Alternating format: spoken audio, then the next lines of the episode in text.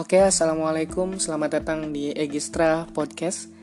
Kali ini saya akan sedikit uh, membahas tentang satu hal yang mungkin akan sama-sama kita hadapi, bahkan mungkin hari ini sedang kita rasakan gitu ya, terkait dengan uh, perkembangan teknologi yang hari ini telah uh, merajalela, bahkan juga sudah masuk ke dalam kehidupan kita Hal ini bermula dari uh, dampak adanya musibah pandemik wabah corona ya COVID-19 yang membuat kita harus di rumah saja hashtag ini sebuah gerakan yang berupaya untuk kemudian memutus rantai penyebaran COVID-19.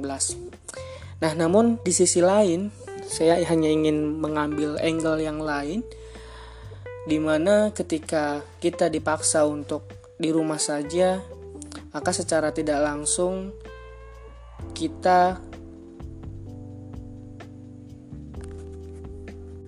beradaptasi dengan satu kebiasaan dan aktivitas baru, yaitu memanfaatkan teknologi informasi atau internet yang tentunya hari-hari ini belakangan ini menjadi satu hal yang tidak bisa dihindari gitu ya. Mungkin kita sudah melihat bahwa saat ini banyak pekerjaan, uh, bisnis dan lain sebagainya telah bertransformasi ke dalam sistem digital. Apa-apa sekarang digital ya. Mulai dari uh, jasa, kemudian jual beli, bahkan mungkin aktivitas di kantor, meeting dan lain sebagainya sekarang sudah berpindah ke dalam dunia digital. Nah, hal ini tentunya uh, telah mempercepat masa di mana manusia akan bergantung dengan teknologi. Sebuah masa industri 4.0 yang hari ini sedang kita jalani di mana adanya pandemik ini mempercepat kita untuk kemudian masuk ke dalam masa tersebut bahkan juga mungkin nantinya akan masuk ke dalam industri 5.0 gitu ya. Nah, ini yang kemudian menjadi satu hal yang hmm, menarik, menguntungkan tapi juga akan menjadi ancaman gitu ya.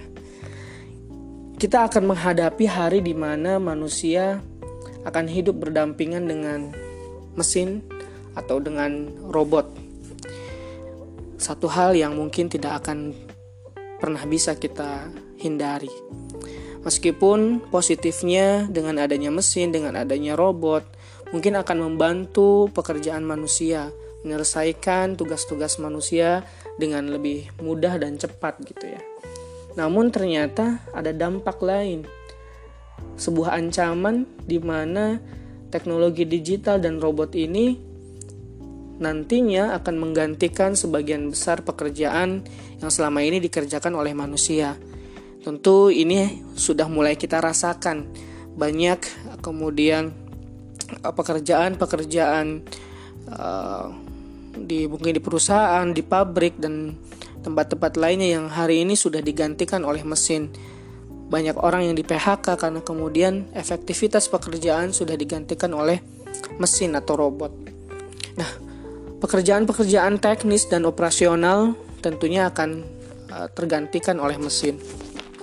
Bahkan yang lebih mengerikan lagi ketika teknologi artificial intelligence atau kecerdasan buatan yang hari ini sedang terus dikembangkan oleh para ilmuwan kemudian dia mencapai pada puncaknya di mana akan diciptakan sebuah robot yang mungkin uh, lebih pintar dari penciptanya sendiri ataupun dari manusia gitu ya.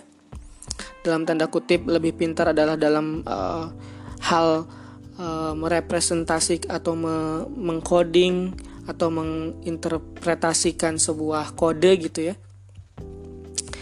Akan tiba masa di mana manusia akan menjadi budak dari robot yang dia ciptakan sendiri. Sebab robot ini akan memiliki kemampuan yang jauh lebih mengesankan, jauh lebih uh, cepat, jauh lebih uh, apa namanya lebih uh, ya lebih cepat daripada manusia dan tentu ini akan mengganggu kehidupan sistem uh, manusia itu sendiri khususnya dalam dunia industri seperti yang disebutkan tadi di mana pekerjaan yang berkaitan dengan kemampuan otot, ilmu-ilmu pasti, dan juga yang bersifat repetitif atau berulang-ulang sepenuhnya akan tergantikan oleh mesin atau robot. Nah, dari sini kita tentu harus mawas diri. Kita harus uh, bersiap sebelum terlambat. Mau tidak mau, suka tidak suka, kita akan menghadapi masa depan yang semacam ini gitu ya. Maka persiapkan diri sejak sekarang untuk kemudian kita memiliki skill profesional yang lebih humanis yang tidak dapat digantikan oleh mesin. Nah, uh, manusia-manusia yang kemudian nantinya mampu atau akan bertahan di mana masa ketika robot menguasai dunia adalah mereka yang kemudian memiliki kemampuan berpikir analisis, kritis, intuitif, dan kreatif setidaknya empat hal ini kemudian uh, tidak mampu dilakukan oleh uh, mesin atau robot. Nah, pada podcast kali ini saya coba ingin me berbagi dengan teman-teman sekalian tentang apa saja sih kemudian pekerjaan-pekerjaan yang um, rasanya dapat bertahan dan juga tidak akan digantikan oleh mesin atau robot berdasarkan dari uh, kemampuan empat hal tadi gitu ya. Yang pertama adalah pekerjaan-pekerjaan yang berkaitan dengan critical thinking, yaitu pekerjaan kritis dan analisis maupun problem solving, di mana membutuhkan sebuah inisiatif tinggi yang hanya bisa dihasilkan oleh daya kreasi manusia. Eh, contoh pekerjaannya seperti programmer, analisis atau analis, atau juga uh, politikus politikus gitu ya. Nah itu satu pekerjaan yang mungkin tidak bisa dilakukan oleh uh, sebuah robot gitu ya.